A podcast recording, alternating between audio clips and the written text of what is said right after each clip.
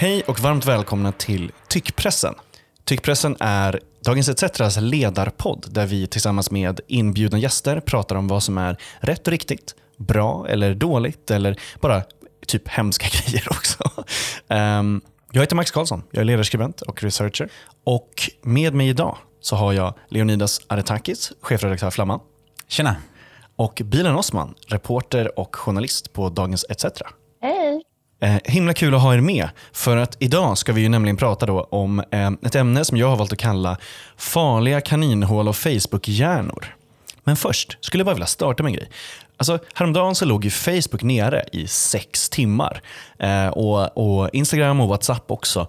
Vad gjorde ni under den här tiden? Eh, märkte ni av det? Leonidas, vad säger du? Um, nej, men jag, jag, tycker det är väldigt roligt. Jag såg för någon dag sedan bara de mest populära sakerna på Facebook. Alltså vad är Facebook egentligen? Och då var det så här, uh, nummer ett var Lamotte. Nummer två var Cursed. Sverigedemokraterna. Nummer tre var eh, Fredagsfräckisen eh, och så vidare. Så det, det, är liksom, jag vet inte vilket som är värst av de där tre. Men det känns som att det verkligen har blivit en plats för ganska tråkiga saker. Så man undrar så här, hur mycket hat brann inne den där dagen? Undrar man och hur många fredagsfräckisar brann inne? Verkligen. Underskatta inte den politiska makten hos fredagsfräckisen. Alltså. Nej, de, de, de är också radikaliserande. ja, verkligen. Bilen, vad säger du? Vad gjorde du under eh, när Facebook var nere?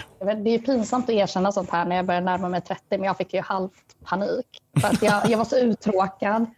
Och det var verkligen så här, Insta funkade inte, Facebook funkade inte. Jag var tvungen att scrolla någonting. Så då var jag inne på Twitter och kände att det här är en mardröm. Alltså det är så här jag tänker att typ domedagen ser ut. Att allt man har kvar är Twitter. Och så sitter man där och bara läser alla hysteriska kommentarer och mår skit. Det var, det var, jag var så glad när Facebook kom tillbaka igen. Verkligen. Det var så himla kul. Jag var så glad att Facebook kom tillbaka. Citat Bia. Eh, och det här leder mig då utsökt in på den första delen som jag har döpt eh, till När ekokammaren läcker. Jag tänkte att vi ska prata om eh, det uppmärksammade fallet med den 61-åringen i Botkyrka. Eh, vad som har hänt lite och, och varför och, och sådär. Eh, och här så tar vi ju rätt mycket grund i eh, den artikeln som finns i Dagens ETC. Ni som lyssnar, glöm inte att läsa den där. Eh, nej, men som är en långläsning om, om eh, vad det är som har hänt. För att det här är ju ett, ett ovanligt fall, men inte ovanligt alltså i exakta liksom, jag menar, vad, vad den här 61-åringen eh, eh, tänker och tycker eller, eller något sånt där. Utan snarare ovanligt i att här, han är gripen, åtalad eh, och massa grejer kommer upp till ytan om det nu. Alltså, först och främst, vi kan inte säga 61-åringen hela tiden, bara rakt av i, i podden. Vi måste ge honom ett fake-namn. Har ni något förslag? Jag har ett förslag. Ja. Och det är bara, och sorry till alla Pers där ute, men jag har ju en grej kring att eh, folk som heter Per ofta förekommer i rasistiska miljöer. Alltså NMR har ju två Per. Just Bara det, det är, är lite too much. Eh, och sen så har vi andra pers, bland annat på Bulletin och så. Så jag tänker Per. Det är ja, skitnice. Jag tycker Per är jättebra. Vi tar Per. Um, så historien om Per, ehm, om, om eh, Rasse Per. Vad vet ni egentligen om det här fallet? Vet du vad som har hänt Leonidas? Han har ju haft en hel bombproduktion på gång hemma. Han har haft flera vapen, han har haft eh, pistoler, machetekniv, andra knivar och så vidare. Och Han har också haft listor över människor då som han inte gillar på olika sätt. Politiker, eh, journalister och andra liksom, ny, äh, vet du, näringsidkare och så vidare. Så att, eh, det verkar ha varit en, och han skrev också ett manifest ska väl sägas, då, som vi kan väl komma in på hur välskrivet det var. Du kanske till och med läste? Ja, exakt. Jag kallade honom Boomer Breivik innan vi startade, liksom, men vi ska prata mer om det, om det eh, sen också. Eh, men Bilan, du eh, eh, vet ju mer om det här eh, också från egen, tyvärr egen erfarenhet. Ursäkta, det är barnet som låter här i bakgrunden. Nej, men jag, jag fick ju höra om det här ehm, först egentligen ganska kort och då inte så jättedetaljerat. Men det var polisen som hörde av sig. Bara, men ditt namn förekommer i en pågående undersökning. Typ. Så då fattade inte jag heller. Men sen när jag väl fick läsa förundersökningen så förstod jag ju liksom vidden av det här och där liksom inte eh, alltså, mycket av det här är ju, eh, delar av det här är absolut så här, rambling där han skriver ner random journalisters namn utan att vara utvecklad. det. Andra personer verkar han vara närmast liksom besatt av. Eh, där han har kartlagt liksom vart de bor, eh, hur de rör sig och annat.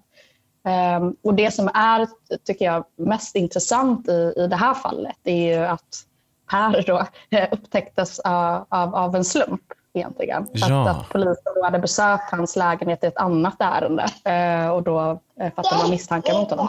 Och det tyckte jag nästan var kanske det mest obehagliga i det här. Eh, att, vi har liksom en situation där en person har och läser man liksom den här ganska stora förundersökningen så upplever jag ändå att han hade ganska långtgående planer med, med allt. Och att det det upptäcktes på det här sättet gör också lite att man känner så hur, hur många människor är det som sitter? Eh, Verkligen, hur många fler pers finns det?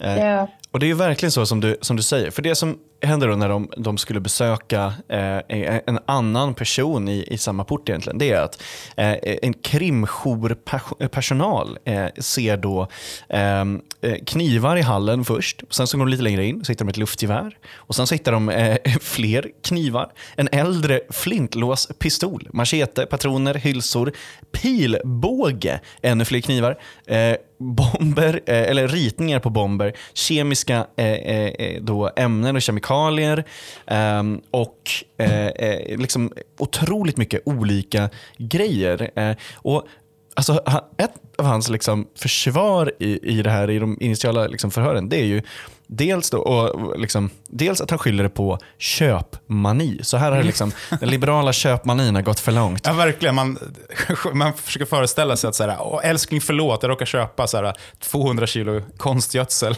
Ledsen. På Klarna dessutom. där, där är han. Lyxfällan.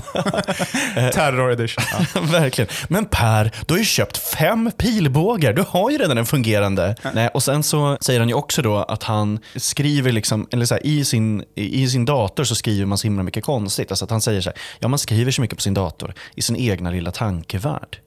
Och Det är ju eh, väldigt intressant för att det han skriver på sin dator det är till exempel så här då, eh, att han vill bli citat, världens bästa terrorist genom tiderna. Slutcitat. Eh, så min fråga till dig är, hur förvånande blev vi eh, av att han eh, inte blir åtalad för terrorbrott? Vad säger du Bilan? Alltså lite förvånad och så får man ju se hur det här landar. Men jag upplever ändå liksom att ganska mycket i materialet är ju, som du också är inne på, det, det finns ju det är ju terrorplaner. Det är så svårt att se. Och så samtidigt så kan det finnas, eh, och det är det jag kanske bollar och tänker lite högt här med er, men kan det finnas då andra anledningar till varför eh, åklagare exempelvis inte lyfter terror eh, av det här för att man tänker att det här kanske inte kommer att leda till en fällande dom, att man kanske har bättre möjligheter ifall man väcker det på något annat sätt. Men jag blev ändå förvånad för att mm. det är det som du är inne på, han, han säger ju själv att han vill bli en terrorist. Läser man också liksom, eh, det här manifestet, läser man också begreppsvärld, alltså begreppen han använder, eh, som, som jag också tycker är intressant. Att det är också i, nästan i dialog med en radikalnationalistisk miljö. Alltså han pratar om PK, agendasättande och han pratar liksom om eh, medier som ljuger och tysta problem som han då ser med invandring. Alltså det, allt det här sker också såklart i dialog med den radikalnationalistiska miljön. Så det, jag, vet inte, jag, jag blev förvånad. Eh, sen hoppas jag i alla fall att det finns eh, tydliga anledningar till varför det inte blev så. Ja, alltså dessutom, så, alltså framförallt kanske, hade han ju eh, faktiska personer. Alltså han listade faktiska människor. Och åklagaren drar ju den här slutsatsen att så här, ja, men han planerade allmänfarlig eh, ödeläggelse, eller vad det nu var för begrepp. Så här, okay. Men det är ju också en tolkning på något sätt. Han hade ju inte en lista över så här, eh, särskilt eh, jobbiga rondeller eller liksom fula byggnader. Eller Han, den, värsta Willys-butiken i Stockholm. Ja, utan så här, varför just ödeläggelse? Det var ju människor han var framförallt var inriktad på. Politiska människor. Så då undrar jag, liksom, hur, varför gör man just den tolkningen? Det är ju också en tolkning. Han skulle, kanske skulle spränga av de här bomberna liksom på havets botten eller någonting. Det kan man ju inte veta. Nej, utifrån omständigheterna så drar ändå åklagaren så här, nej, men jag tror ändå att så här, han skulle orsaka lite allmän farlig ödeläggelse. Det är min tolkning utifrån sammanhanget. Så här.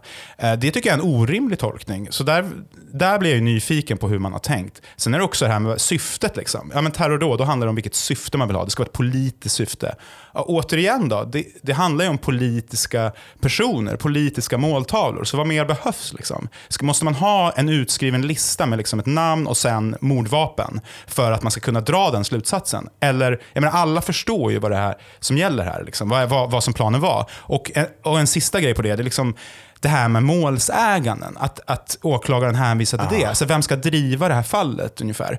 Och ni, här, det, ni ska göra ja, jag menar, då har de inte, ja, då har, de, då har ju de bara hört av sig till några av de här. De har inte hört av sig till alla. Utan Nej, det, har ju liksom, det har ju skett av en person, en av dem som har pekats ut, som har hört av sig till de andra, som inte fått veta något. Och det är klart att om inte de vet om det kan de inte driva fallet. Och då blir det extra viktigt att åklagarna då tar det här på allvar. Och det är det man undrar om de alltså, Det känns som att extremhögern gång på gång på gång säger jag tycker exakt så här. Så här jag, det här är mina djupt rasistiska åsikter. Det här är min avsikt. Jag tänker göra exakt så här. Och sen står någon annan som ett filter och säger nej, men det, det stämmer inte. Det är inte sant. Eller så. Mm. Och I det här fallet är den personen åklagaren snarare än typ Moderaterna som filter mellan SD eller, eller någon sån där. Liksom. Eh, men, men att det är precis samma funktion. Att det är den här liksom, liberala apo, apologeten liksom, eh, för när de säger så här, här är mina djupt rasistiska åsikter. De bara, men det är inte så farligt. Jag är bara förvirrad. ja, eller exakt. det är bara en förlorare i mjukisbyxor. Och det finns ju alla de där förminskande begreppen, eller förmildrande begreppen. Liksom. Mm. Ja, men, och Det är det jag också tänker i det här fallet. Att om han faktiskt hade gjort allt det som också beskriver i det här dokumentet hur hade den efterföljande diskussionen varit? Alltså hade man fortfarande suttit där och varit så här, var det här verkligen terror eller inte? um, och, det, och det är också det som gör hela den här, uh, hela den här brottsrubriceringen så väldigt märkligt, som jag själv har svårt att förstå och begripa på faktiskt. Verkligen. Det där med eh, liksom, att ifrågasätta om huruvida någonting är terror eller inte. Jag menar, där börjar vi faktiskt se en så här, sinnessjuk vridning bland, liksom, eh, eh, det är väl Bulletin som har premierat i Sverige, men så här, där man börjar ifrågasätta liksom, eh, eh, vad det var Breivik egentligen gjorde och hur politiskt det var. Eh, eh och där har vi sett flera artiklar. Så här, det var ju eh, en, eh, vet han, Ronny på, på eh, Bulletin som skrev liksom en helt galen artikel om efter det, att Ali Esbati hade släppt sin bok om Utöya, som är väldigt bra. Eh, och eh, där liksom, den i princip handlade om så här, ja, ja, vi, eh, liksom, Ali var där, men eh, vi kan inte lyssna för mycket på honom om det här. Så här. Ja, men det inte, har det inte varit mycket så att man får inte politisera Utöja? Ja, men exakt. Ungefär som att man, så här, också, det pågår ju också nu, någon liknande så här, historierevisionistisk diskussion angående andra världskriget. Mm. Och där är så här, ja, men det är inte en höger-vänster-fråga, eller så här, sossarna var lika dåliga. Liksom, och så där. Alltså ett försök att bara skriva om historien, mm. när det är uppenbart uppenbarligen är ett problem med högerradikalism. Liksom. Sen finns det också andra former av radikalism och det kan, vi också prata om. Ja, det kan vi också prata om. Men i det här fallet så var det ju det. Breivik var en högerradikal. Alltså... Ja men exakt, exakt. Och sikta på de här på väldigt tydligt sätt och, och allt sånt. Eh. Men också, eh, bara som ett exempel på just det här, som, eh, som också är en sån där som hur man skriver om historien kopplat till Breivik. Arpi som har sitt nya projekt här, Substack, mm. han skrev en sån text i somras där han verkligen ändrade om allting. Där Alltså rubriken är bokstavligen Breiviks syfte var en häxjakt på konservativa. Oj. Just det. Bara, vad är det som Hela varvet runt där. Crimea fucking ja, river, Ivar. mm. ja, men det, och då var liksom, och då, bara här ingressen. Tio år efter terrordådet används Breivik som tillhygge mot alla till höger om Socialdemokraterna. Är det bara ett cyniskt maktspel eller är det av sann ideologisk övertygelse? Och så landar han på något sätt då i att de riktiga offren var då konservativa. Mm. Jag menar, de här radikalerna kommer alltid finnas. Eh, människor som mår dåligt eller som liksom av olika skäl slås ut och kanske blir lättare liksom kan fångas upp av sådana här miljöer. Det kommer ju finnas. Men liksom, hur reagerar då de etablerade eh, institutionerna och partierna och opinionsbildarna. Och liksom, eh, vänstern? Ja, och vänstern. Liksom. Men liksom, hur, hur gör man när något sånt här radikalt uppstår? Tar man avstånd då? Eller liksom säger man hint, hint, det är okej? Okay, typ? Eller mm. han var bara lite förvirrad. Liksom. alltså, sånt där som vissa högeropinionsmakare gör. Det är ju i princip öppna svängdörrar från Timbro Svenska Dagbladets ledarsida, eh, Moderaterna, alltså etablerade Bulletin. stora... Jo, jo, men de är ju liksom Riks. nästan Ja, ja, halvt men utanför. Men jag menar Ja, de här ja. Mm. riktigt gamla, traditionella högerinstitutionerna som liksom på något vis ska vara något annat. Som kanske kunde vara det typ Merkel har varit i Tyskland eller något liknande. Alltså en konservativ institution, men som ändå håller tätt. Eh, och det, eh, alltså högern läcker eh, nu och det finns, ing, det finns väldigt få borgerliga, alltså klassiskt borgerliga, som tar avstånd från det här och stänger den där dörren. Alltså, och det var det alltså, kopplat till partier som man tidigare ändå upplevde. Så, ja, men det, det är kanske det Liberalerna i alla fall försöker. Eh, och sen har det också svängt eh, ganska snabbt. Att det blir, eh, det blir lite intressant ändå. Ja, men de har väl blivit det där klassiskt borgerliga. Men för Liberalerna har ju alltid förut varit snarare kanske men nästan vänster. Liksom. Alltså om vi tittar historiskt. Ja, ja, ja. Lyssna på vårt avsnitt om Liberalerna så kan ni verkligen höra det. Vi pratar om liksom, ja, 30 minuter om bara Liberalerna. Eh, nej, men verkligen. Men vi rör oss till den andra delen. Eh, den har jag döpt djupt, djupt ner i kaninhålet. För att Bilan, du sa en väldigt, väldigt, väldigt smart grej innan här. Men det här med att eh, Pers radikalisering skedde ju i en dialog. I olika skeenden av livet så stannade han upp vid eh, sajter eller grupper eller eh, eh delar i flödet eh, och, och liksom frågade saker om livet egentligen. Eller liksom, eh, ville veta mer om livet. Och vid varenda gång så svängde det ännu mer starkt åt höger. Eh, han liksom föll ner i, i det här Eh, rassekaninhålet på Facebook, på andra sajter, i kommentarsfälten, i mail till skribenter eh, eh och i liksom sin, sitt djupa, sin djupa så här Google-psykos eh, med att googla liksom detaljer om, om Breivik och, eh, om, eh, för att liksom skapa det här manifestet och, och sånt där. Så det, det är ju såklart inte att det här sker i ett vakuum, eller Pers radikalisering sker i, i ett vakuum.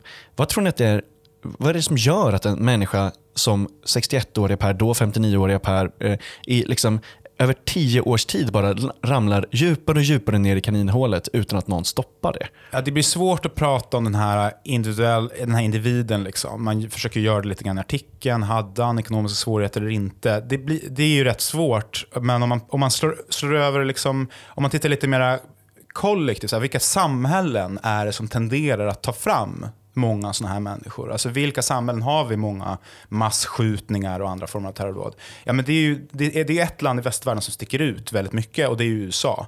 Eh, och vad är det då för typ av samhälle? Eh, är det liksom... Är det ett starkt samhälle? Liksom? Är, det ett, är det ett samhälle där alla har en plats på samma sätt? Eh, jag, jag tänker att det inte är det, utan att det är ett samhälle som är väldigt präglat av tävlan. Eh, det är väldigt lätt att trilla neråt. Du har samtidigt en berättelse om att landet är ett land där alla kan lyckas. Men i själva verket är ju den sociala rörligheten, visar ju statsvetenskaplig forskning, den är ju låg eh, i USA. Så det är precis tvärtom. Och den kombinationen av att du, du liksom blir intalad att alla har en plats i det här samhället och alla kan lyckas och alla kan uh, bli lyckliga och så vidare. Men sen så är det tvärtom. Den kombinationen gör ju att väldigt många känner vrede och känner att de liksom, inte vet jag, eh, ja, men slagits ut helt enkelt. Och det är klart att det skapar eh, en väldigt större grogrund för sånt här. Så för, för mig är det intressant, bara, vilket samhälle vill vi då skapa här för att undvika att eh, ja, men såna här hittar in, i, hittar in i farliga miljöer? Ja, det, verkligen. Och, och, och en till grej i det, och jag tänker just det här eh, som vi var inne på lite förut i eh, vilka, vilka begrepp han använder, vilken värld han rörde sig i. Där det var tydligt både när det kommer till hans sociala medieaktiviteter men också generellt liksom vilken, vilken värld han rörde sig i. Att där blir det också intressant eh, kopplat till de här eh, högerextrema radikala kommunistiska alternativmedierna och vilka, kan man säga, vilka krav de egentligen ställer på, eh, på läsare. För om man tittar på så traditionella medier eller andra typer av medier så är läsare eller konsumenter eller vad man nu ska kalla dem, eh, det är människor som eh, läser för att informeras och det är också syftet. I det här fallet så de här sajterna snarare ser på sina läsare som eh, aktivister och där det man lägger ut också ska på något sätt leda till en form av aktivism. Man kan inte skriva om ett asylboende, man kan inte skriva om invandring utan att också förvänta sig att läsarna ska göra någonting åt det. Och Det tycker jag blir särskilt intressant just i den här 61-åringens fall. i att han rörde sig i de här kretsarna eh, och där han också förväntas, precis som många andra i den här miljön, att också göra någonting eh, åt problemen. Eh, vilket också beskriver på något sätt faran i den radikalnationalistiska eh, miljön. Man kan inte bara sitta hemma och ha idéer, utan man är en aktivist i grunden. Ja, men exakt, och de säger också så här, använd det du kan och grejer. Och han var ju civilingenjör och då liksom tänker han, ja mm. men det, Bomberg, det kan jag.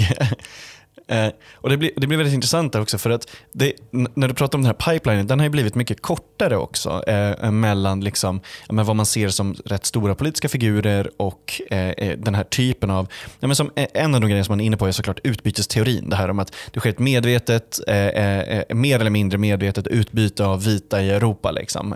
lite så Arabia-grejen också, att man liksom, det ska vara någon form av arabiskt maktövertagande genom invandring. Ehm, och Det är så intressant då för att en av de som sprider en sån, eller en av de kanalerna som eh, eh sprider en sån teori, det är ju Sverigedemokraternas egna partimedia, Riks. Eh, och De har mm. till och med en ny programledare som eh, bara för några dagar sedan släppte en hel video som bara handlar om det här. Som bara handlar om det de då vill kalla demografi, men, men som är liksom ren etnonationalism egentligen. Eh, just med Riks, alltså hittills har representanter från samtliga högerpartier medverkat i Riks, inklusive Ulf Kristersson, eh, Kristdemokraternas migrationspolitiska talesperson Hans Eklind. Eh, Moderaterna är de värsta då av, av liksom de högerpartierna i det här. De har alltså över 13 företrädare som har varit med i Riks, där flera har varit med flera gånger eh, och återkommer, trots att det är liksom ett annat partis propaganda. Eh, men även sådana figurer som polischef Erik Nord har varit med i Riks flera gånger iför polisuniform. Och då får ju den här teorin, om, om Per tittar på intervjun med Erik Nord om oroligheter i Göteborg på Riks och sen klickar vidare till eh, liksom ett, ett långt inslag om hur liksom vita ersätts av arabisk invandring. Eh, eh, då finns ju de liksom, han blir serverad de här åsikterna direkt där. Verkligen. Och två grejer. Så delvis så vill jag verkligen slå ett slag för dina granskningar av Riks. För det sätter verkligen fingret Känner, på eh, utvecklingen inom Sverigedemokraterna de senaste åren. Att tidigare liksom är hela SD-SDU-konflikten där Mattias Karlsson framförallt var väldigt högljudd. Där försökte man på något sätt eh, skapa en slags linje mellan så här, men vi som är kulturnationalister och de som är etnonationalister. Även om jag själv menar på att hela den liksom, uppdelningen är bol, liksom ja, ja. grunden, och så här, är icke-existerande. Men här har man ju så här, de, de senaste åren så, så bryr man sig inte längre. Eh, och det säger också någonting om hur det påverkar inte bara partiet Sverigedemokraterna men allt det som också är den nationalistiska rörelsen inklusive eh, personer som Per mm. eh, som hänger med i den, den, utvecklingen. Och det är det jag tycker när man pratar om radikalisering så upplever jag ibland att så, i, i samhället så har man ett oftast individuellt perspektiv på radikalisering. Man pratar oftast om det i relation till personer som radikaliseras. Eh, men vi har genomgått en större radikalisering de senaste åren eh, och där det blir så tydligt i Sverigedemokraternas fall och det blir yttersta konsekvenserna av det blir ju som den här 61-åriga Per. Liksom. Mm. Ja, jag tror också att här, eh, man kan, det kan bli för mycket fokus på de här individerna som är liksom särskilt radikala och våldsamma. Eh, och hur ska man nå dem? Jag menar, där är det ju säkert mycket psykisk ohälsa och andra saker som också spelar in. Det, det, det är väldigt komplicerat, det är mycket samtidigt. Men, men jag tänker att hur kan man nå den här lite bredare miljön som de hittar in i? För där finns det en massa människor som är mer kanske ja, men, lite mer vad man skulle kunna säga vanligt folk ändå. Alltså så här, som ni säger, men med Riks, det är ju en, det är också en folkrörelse. Eller som vi sa på Facebook, de som skapar mest engagemang nu, det är ju Sverigedemokraterna. Jimmy Åkesson var också med på den där listan, Lamotte Sverigedemokraterna. Eh, så att det, det, är ju, det är ju väldigt många människor som dras in, dras in i det här. Och liksom bland unga män, till exempel 18 till 29 år eller vad det nu är, där har liksom SD 28,5 procent eller eh, någonstans där. Alltså det är väldigt många människor. Hur kan vi ja, som människor eller myndigheter eller som rörelse eller vad det nu är. Hur kan man eh, bli bättre på att, inte vet jag, se till så att de här människorna inte dras dit? Alltså varför kan inte de vara med i ett annat, bättre sammanhang helt enkelt? Jag tror att de kan det. Grejen, alltså jag, jag menar att det här är liksom politisk teater och krokodiltårar. För att där, då, det de gör med det här, snarare än en folkrörelse, liksom bygger en rörelse där folk känner varandra eller något sånt där. Mm. Det, jag tänker på det här mer i en funktion som viral masspanik egentligen. Eh, och att det är det mer snarare än typ en eh, eh tydlig strukturerad folkrörelse. Eller, ja, eller, gemen, eller jag tror inte att det är gemenskap en viktig del av det här. Att, absolut. Att absolut. de behöver gemenskap. Att jag tror att vi ibland är lite, lite för snabba med att kanske utesluta människor som vi tycker, ja men nu har liksom morbror Göran eh, uttryckt någon, någon väldigt rasistisk sak här på julafton, då kanske vi vill inte jag prata med honom längre ungefär. Men jag tror, att, jag tror inte att det är så många som blir så uteslutna ändå. Alltså jag tror att den, jag tror att den också är, eller det också är en del av narrativet som de använder. Så här, jag menar, det, så här, de säger gärna att de blir tystare till exempel. Men jag menar, vilka var de fem mest eh, engagerande Facebook-sidorna igen? Eh, det var ju liksom precis de här karaktärerna. Um, men det du säger om den här farbrorn, det är jätte, jätteviktigt. Och eh, som programledare så skjuter det oss in i den här tredje delen. Hur man får någon då att lämna. Eh, vad det finns för alternativ och vad det finns för, liksom, ja, men om det finns några politiska lösningar också. Jag har en eh, grej som jag fun tycker funkar helt okej. Okay. Jag träffar ju eh, en del unga män och en del unga eh, sverigedemokrater, före detta sverigedemokrater eh, i mina liksom, nätmiljöer. Jag hänger en del på Twitch och på TikTok och sådär. Ehm, och eh, Det var en grej som jag liksom försökte ta med mig från så här, den ja, men typ exitverksamhet för högerextremister och sånt där som har funkat bra i andra länder. Och Det är det här att eh, eh det funkar faktiskt rätt bra att säga om du gör ett clean break med allt som du har gjort tidigare, då är du varmt välkommen in i värmen. Eh, så jag beskriver ju liksom unga sverigedemokrater som eh, vill lockas av någonting annat, som kollar på mig när jag streamar eller vad som helst. Då säger jag ju liksom att ja, men, eh, eh du är en framtida kamrat. Du är inte en kamrat idag, men du kommer bli det. Oavsett om du vill eller inte. vad tror ni? Hur får man någon att, att lämna? Om någon uttrycker det här eller delar någonting på Facebook eller är på, djup, eller ligger på botten av kaninhålet. Hur får man någon att lämna? Vad säger du Bilan? Jag vill ändå göra skillnad mellan typ, om vi säger så här, avradikalisering avradikalisering och att lämna en miljö. Alltså, För jag tror ändå att avradikalisering, eh, det, det är en sak, alltså att det sker gradvis och så vidare. Lämna, då måste man precis som du säger ha brutit upp med allting som har skett tidigare.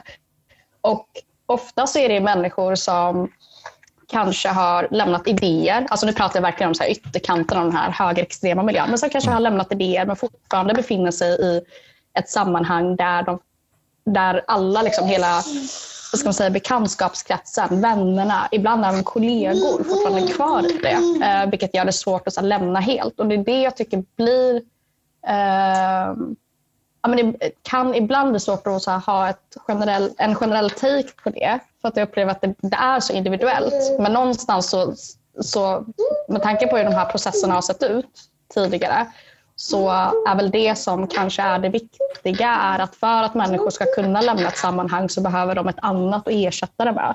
Eh, de behöver en annan, de behöver, alltså pratar vi politiskt, de behöver tydliga politiska idéer de kan ersätta det med. Men de behöver också ett socialt sammanhang att ersätta det med. Och mm. Jag tycker det sista är det svåra.